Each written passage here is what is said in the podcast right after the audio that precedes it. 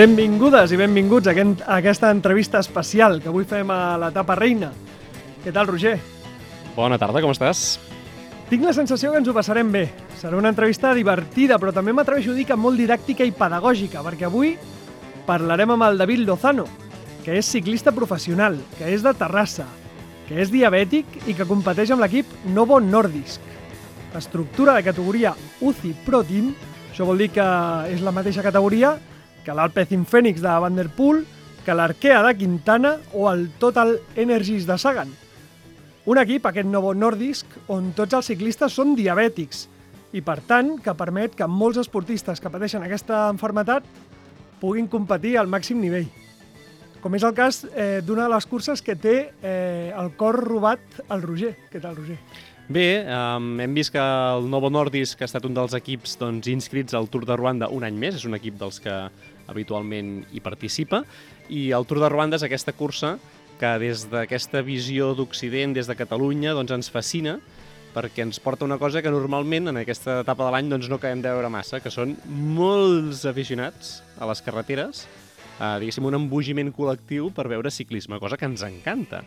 I això eh, doncs és interessant també, crec, posar-li una mica de context, perquè sempre en parlem en aquests termes, i abans de parlar amb el David, que té, crec, una història vital doncs, realment interessantíssima, per posar en context la cursa on ha debutat aquesta temporada, que és aquest Tour de Ruanda, eh, situar el país, no? És a dir, de vegades quan parlem d'Àfrica, parlem de ciclisme africà, parlem de Ruanda, eh, doncs eh, això, sabem que hi ha uns mundials que arriben al 2025, que per tant, segurament doncs, ho tenen ja entre cella i cella, que allò ha de sortir bé, però com s'arriba a aquests mundials i per què doncs, la Unió Ciclista Internacional acaba doncs, fent aquesta aposta per Ruanda. Ruanda és un país que tots sabem i tenim molt al cap que el 94 va viure un genocidi.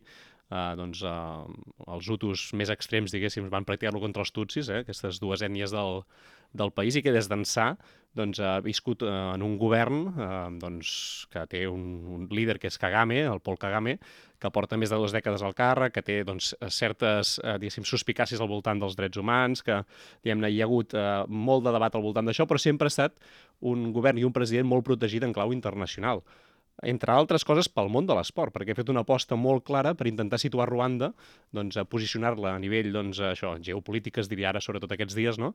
doncs, a, en clau esportiva, com a eina doncs, dir que visit Ruanda com a, com a lema de, de propaganda, com a lema de, de benvinguda. Ho hem vist amb l'Arsenal, amb un equip de futbol que doncs, el president Paul Kagame de Ruanda hi té una relació molt intensa i hi ha patrocinis doncs, en dues direccions, ho hem vist en diversos esports, i en ciclisme, han anat fent créixer de mica en mica aquest Tour de Ruanda, una cursa doncs, que això primer ens sorprenia per, per la gent, després pel mur, no? pel mur que després també en podem parlar de Kigali, i finalment doncs, per aquesta catapulta que tindrà amb aquest Mundial, per primera vegada en terreny doncs, africà, d'un Mundial de ciclisme, eh, doncs, que pot ser realment extraordinari. Per tant, una cursa que no és que no surti del no-res, però que en tot cas també té una significació política molt rellevant pel govern, per la presidència, per Ruanda i en conjunt doncs, pel, pel continent africà. I per tant és una cosa que també volem doncs, descobrir una mica com es viu en un país eh, com aquest, encara que siguin pocs dies, no? per, un, per un ciclista, per un ciclista doncs, que tenim moltíssimes ganes de, de saludar aquí la Taparrina perquè té una història doncs, que crec que pot ser, pot ser molt interessant. El tenim al telèfon. Què tal, David? Hola, molt bona tarda. Acabes d'arribar de Ruanda. Sí, vaig arribar el dilluns, o sigui, fa quatre dies que estic per casa ja. Ha de ser una bogeria, allò, no? És molt bèstia. O sigui, realment la gent no, no s'imagina la quantitat de gent que, que s'acumula als voltants de la carretera amb una carrera tan, tan desconeguda, no?, entre cometes.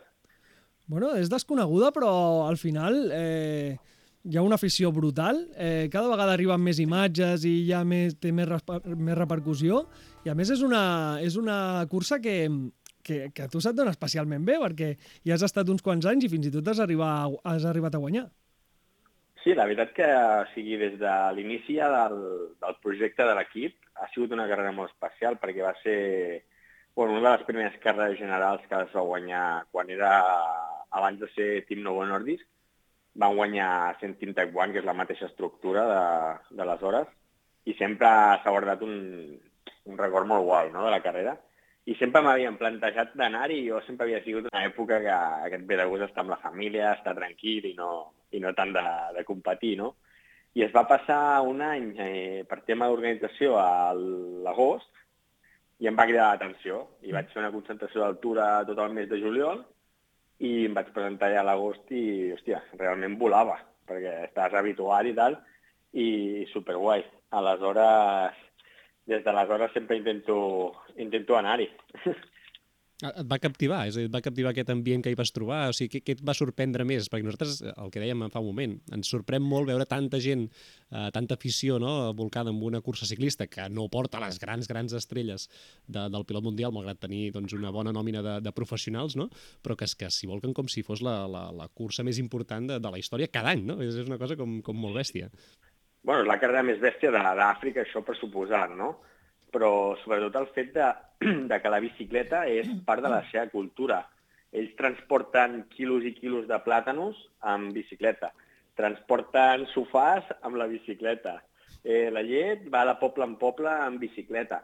Aleshores, la bicicleta per ells és, bueno, és el mitjà de transport eh, per excel·lència, no? I, i també, sobretot, el tema de, de, bueno, de l'equip que tenen ells allà que es diu l'Ignite, que és el, el Benediction, són tots eh, xavals que han sigut taxistes de bicicleta, o sigui, gent que va amunt i avall, poble a poble, eh, transportant gent amb, amb la seva pròpia bicicleta. Aleshores, és, és, és, és que molt guai, la història és molt xula. És a dir, ens hem d'imaginar que, que això, un Samuel Mugisha, un, uns ciclistes d'aquests doncs, que surten de Ruanda i que formen part d'aquest equip, a, abans, o sigui, venen d'aquí, no? De, la, la, el seu contacte amb la bicicleta primer és aquest i després doncs, fan aquesta aposta per intentar ser, ser ciclistes en un àmbit ja més, diguem-ne, eh, semi-amateur professional, no? Podríem dir? Sí, aviam, la pena és ara, per exemple, el que ha passat amb l'equip, amb el Cubeca, que era el que captava molt aquest tipus de, de, de ciclistes emergents, mm. no? En Samuel Mullissa va estar, va estar a l'estructura de, de Cubeca quan, quan va guanyar el Tour de Ruanda. I jo el conec d'haver de, bueno, estat amb ell setmanes prèvies a la competició i de la competició està amb ell. I, i clar, també t'expliquen de la manera amb la que, amb la que han de, de fer-se veure a les carreres, no?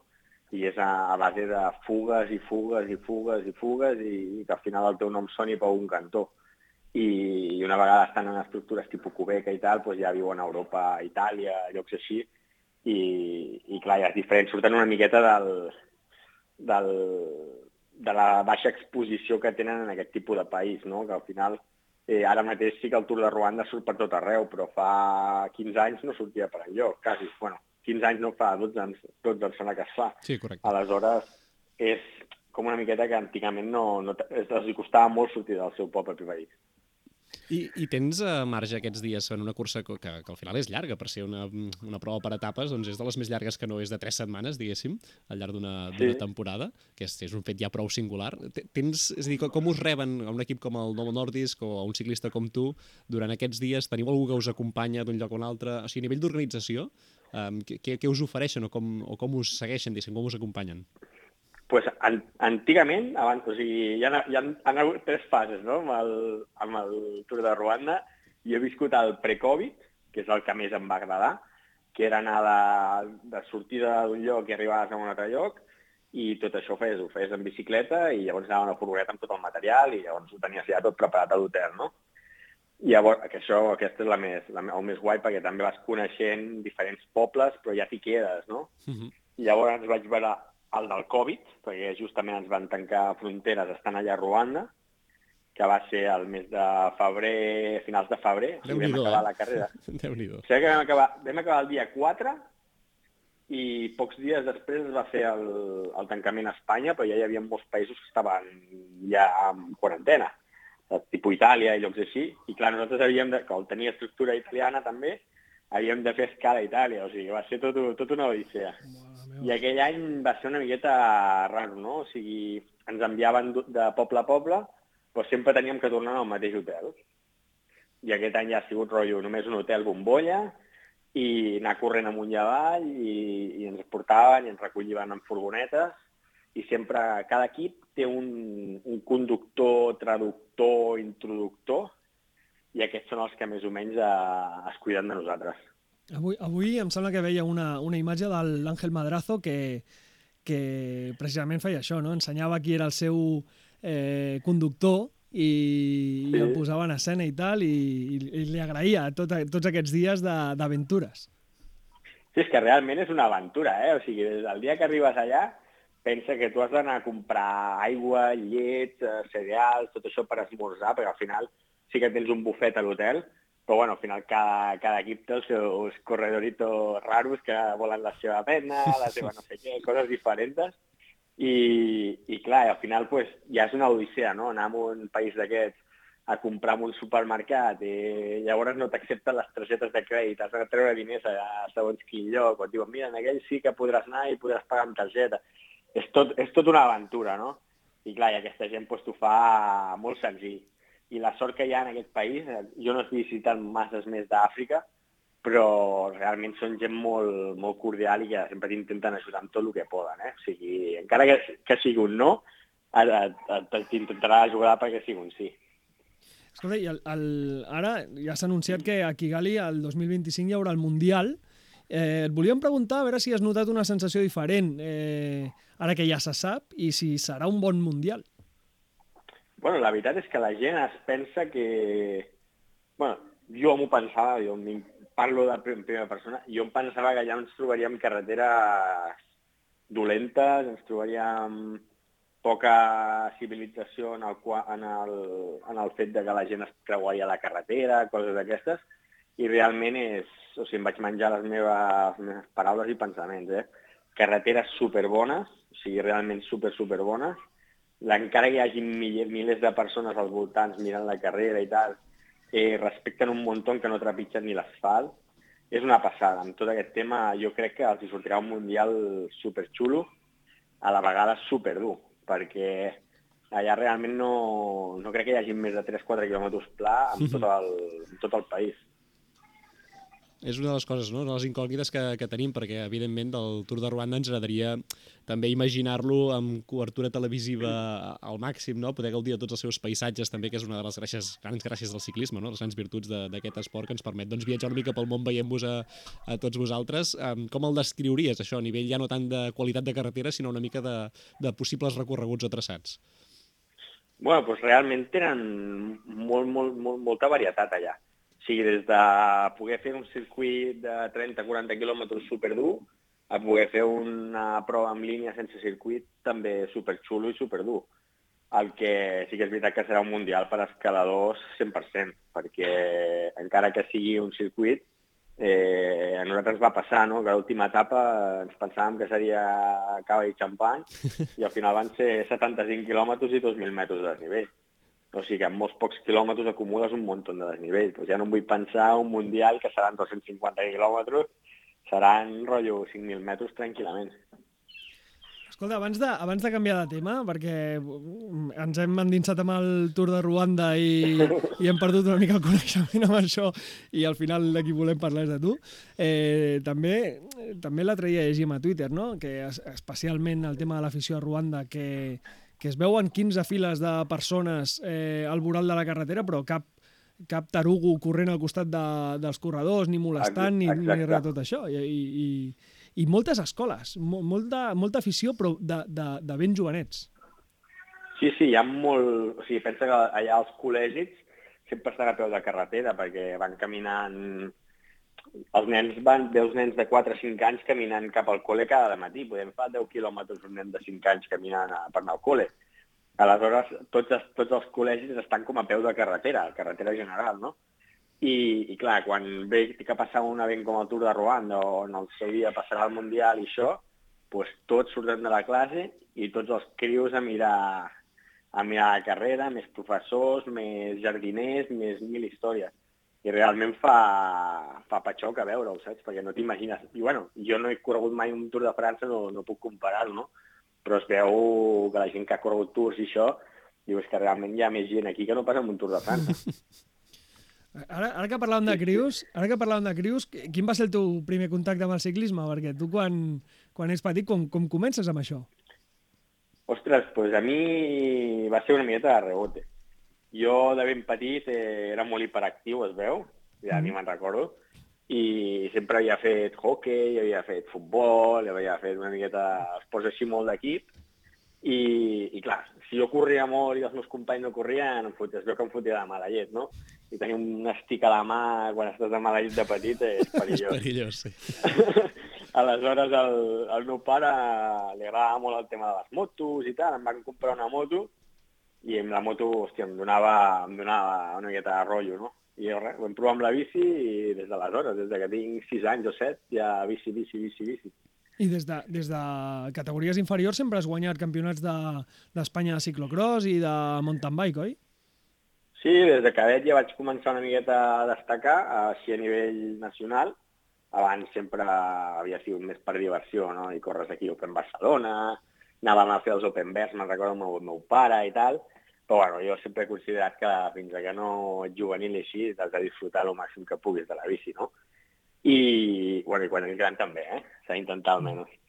I, I clar, i llavors, pues, sí, de, ja la sub-23 i tal ja m'ho agafava més en sèrio i feia més ciclocross, mountain bike i tal, i sí que ja corria alguna prova de Copa del Món i tal, i la veritat que bastant bé, no, no em puc queixar. I, i quan, et, quan et diagnostiquen la diabetis? Eres, eres jovenet o...? Pues mira, va ser en 22 anys i va ser el dia abans de la Copa del Món d'Igorre. O sigui, jo estava, estava seleccionat per anar com a líder de la selecció espanyola en absolut, sent, i era sub-23. I, I va ser justament quan hi havia tot aquell conflicte del tema de, de Catalunya, independències i coses d'aquestes. I clar, i em van ingressar a l'hospital, no vaig poder avisar ningú perquè tenia aquells telèfons que no durava la bateria res. I, i hòstia, el dia següent em vaig llevar pel matí i tota la premsa que deia que, que no em volia posar el mallot de, de, de selecció espanyola, que no sé què, no sé quantos, el català, el català. I jo, hòstia, dius, estava ingressat a l'hospital, no, no em podia, vaig poder avisar ningú, saps? Hòstia. I va ser una miqueta l'anècdota la, d'aquell moment. Hòstia, però al, al, al marge d'això, al marge del tema diguéssim, l'anècdota política de, devia ser un, un mazazo, no, tio? Que de cop i volta tens una carrera esportiva eh, representant el, el, el país, diguéssim, eh, i sent el, el dels millors del país, i de cop i volta, tio, que, que diagnostiquin la diabetis, deu ser, hòstia, i ara què, què passa aquí? Sí, bueno, realment el, el cop més dur jo crec que va ser a nivell familiar. Perquè el meu pare ja, ja convivia amb la diabetis des de, des de ben petit també, i jo tota la vida, doncs clar, he conegut amb diabetis, no? Ah. I el problema és que el meu pare no havia tingut el millor dels controls, no? I, i l'havien vist bastantes vegades pues, molt apuradillo i ma mare sempre una miqueta de, de cul, per dir-ho d'alguna manera, darrere seu.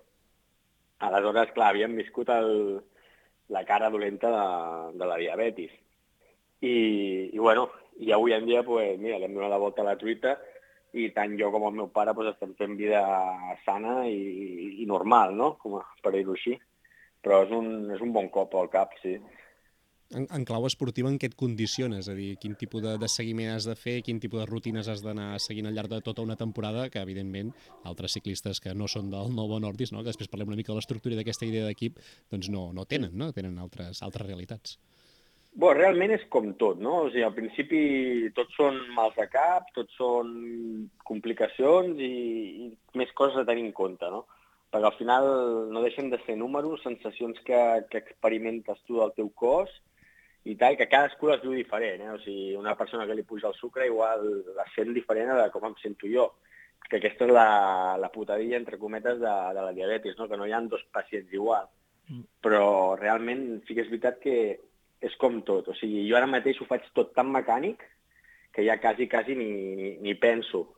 Però en el seu dia, clar, ho havies de pensar tot, ho havies de medir tot, medir el menjar, les unitats d'insulina que, que necessitaves. I al principi pues, realment ho veia negre, no? Pensava, dic, ostres, eh, si haig d'anar fent això sempre, cada vegada que, que, que haig d'anar amb bici i tal, hòstia, el dia que em treguin de punt serà impossible, saps? Però bueno, sobre la marxa doncs, també vas aprenent que hi ha truquillos i avui en dia amb tots els, amb el tema de, de menjars s'ha millorat tot molt, o sigui, els, els aliments que hi ha entre, entre competició, amb els Maurtens i totes aquestes històries, ostres, estàs fent unes quantitats de carbohidrats bestials per hora, sense, sense despentinar-te, per dir-ho així.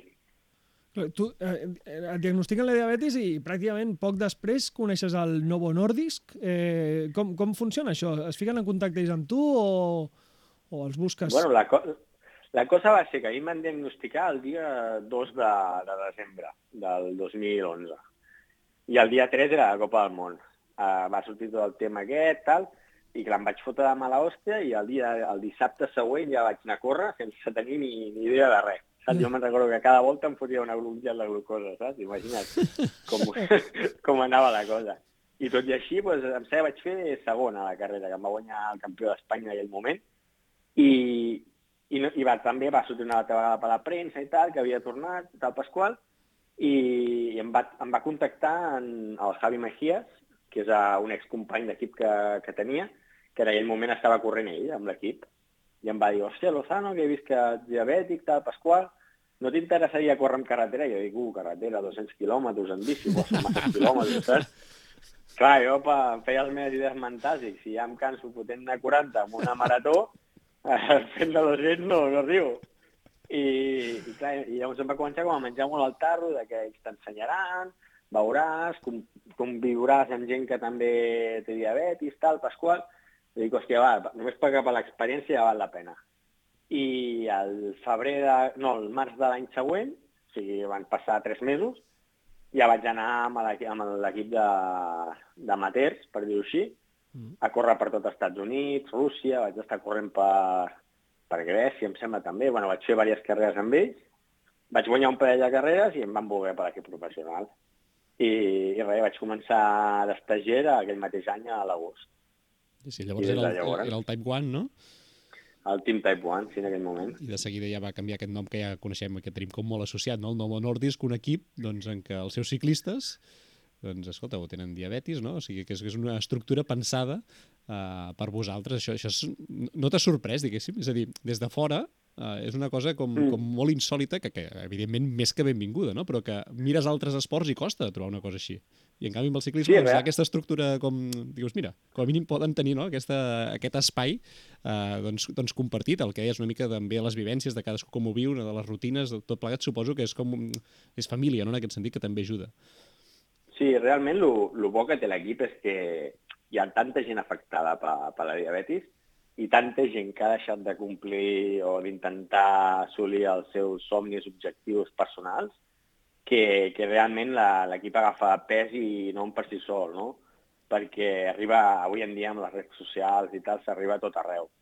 I, i clar, veure que hi ha una estructura de 17 o 18 corredors, tots amb diabetis tipus i que estan corrent en un dels esports més, més durs que hi ha, a, veure, no sé si serà el més dur o no, però un dels més durs segur, i, i que acaben carreres, que es posen en fugues, que fan top 10, tal Pasqual, ostres, realment se't treuen les excuses d'agafar i dir, ostres, i, jo no puc, saps? O sigui, ells poden, però jo no puc.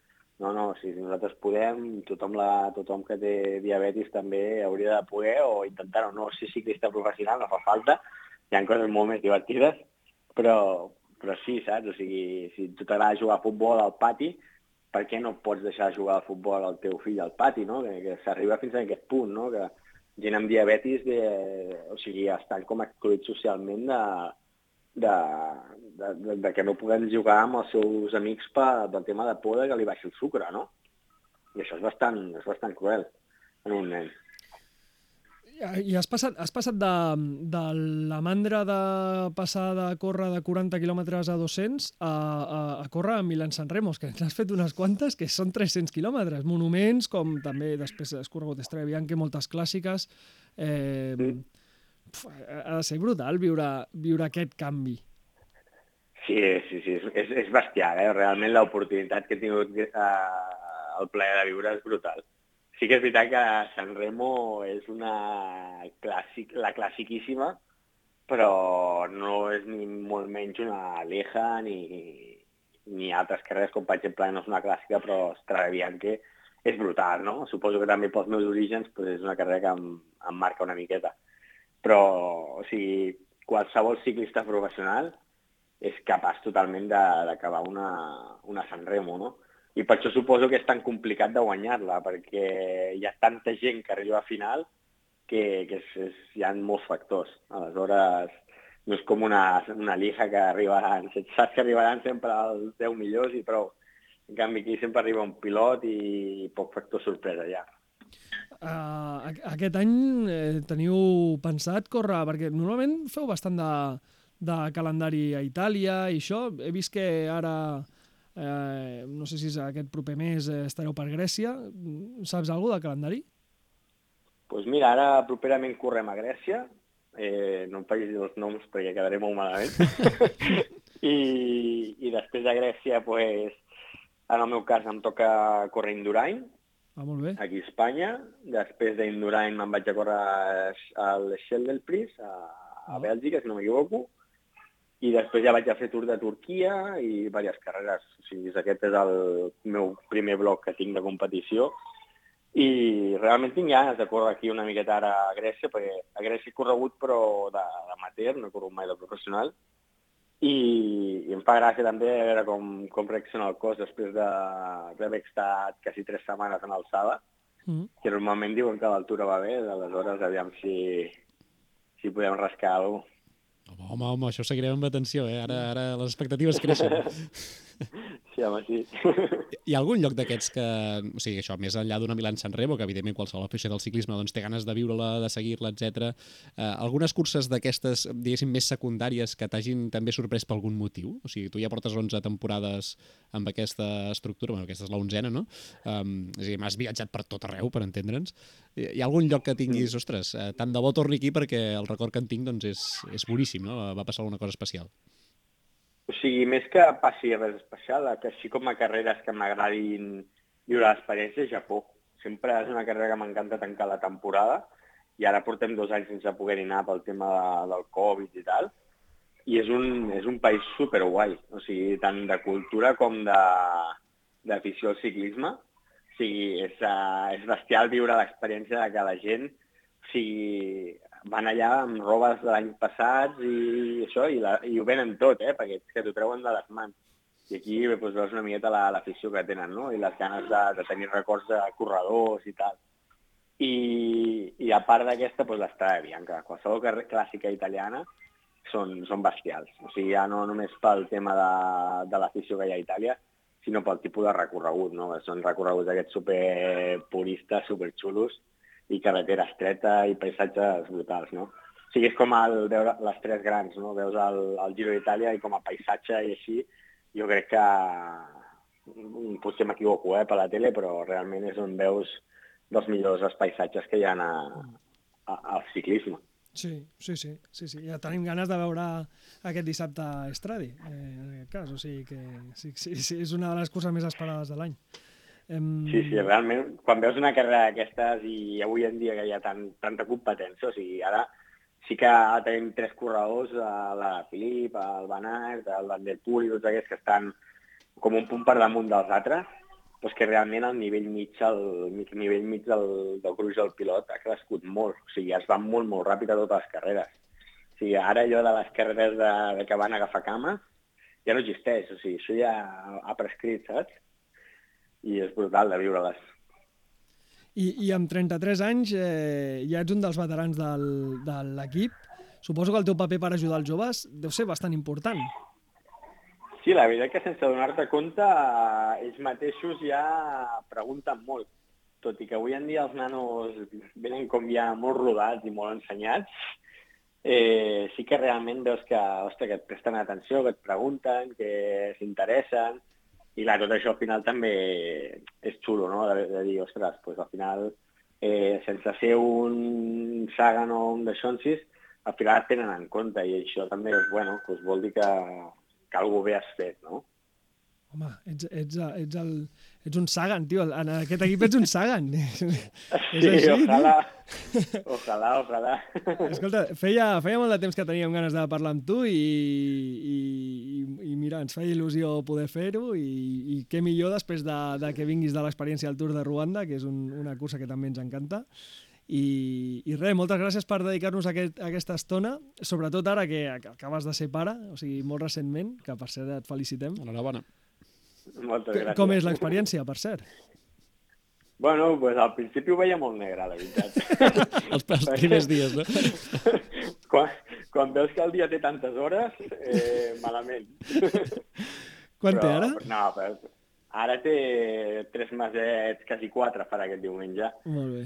Aleshores, no, és una experiència molt xula, o sigui, realment és... Bueno, no puc dir res, res dolent, no?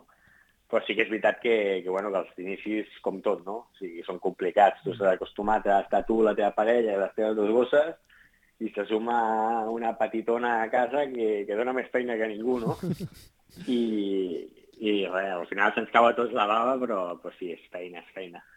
Molt bé, David, doncs a disfrutar-la molt i a gaudir molt d'aquest any de, de ciclisme. Moltíssimes gràcies. Que vagi molt bé.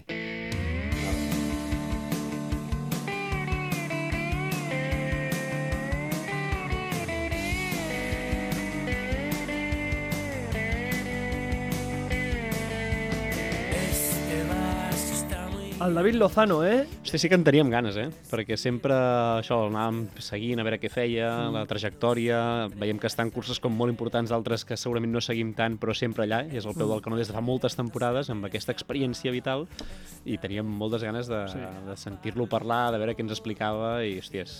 Vam parlar amb ell fa, interessant, fa un parell d'anys. Sí. El que passa que va ser just abans de que deixéssim de fer Sí, el programa correcte. i sempre hem tingut aquest Ens va quedar el coquet, sí. Sí. ens va quedar el de coquet. parlar amb ell i, i més parlant en persona amb ell que, hòstia, que veus Sí. que és un tio que, que, que, bueno, que t'omple el programa, no? I Sí, que, sí, sí. que t'explica moltes coses molt interessants. no, això sense, sense convidar-lo a que plegui aviat, el dia que es retiri, crec que el podríem convidar a venir a l'estudi, diguéssim, i, i encara tindrà, jo crec un sac d'anècdotes, no?, de, Sí, sí. que poden ser interessants doncs, eh, per tothom.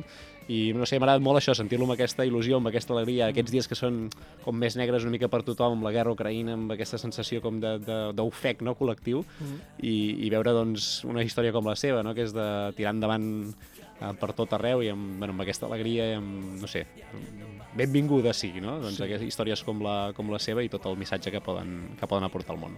Sí, sí, molt optimista. Molt bé. Doncs eh, nosaltres anirem, anirem Ho deixem aquí, aquesta... avui, avui és com un especial que us regalem doncs, a tots els que seguiu l'etapa reina i pensem que podia ser el vostre interès i no volíem desaprofitar aquesta, aquesta opció. Tornarem el dilluns, com sempre. Esperem que us hagi agradat. Fins la propera.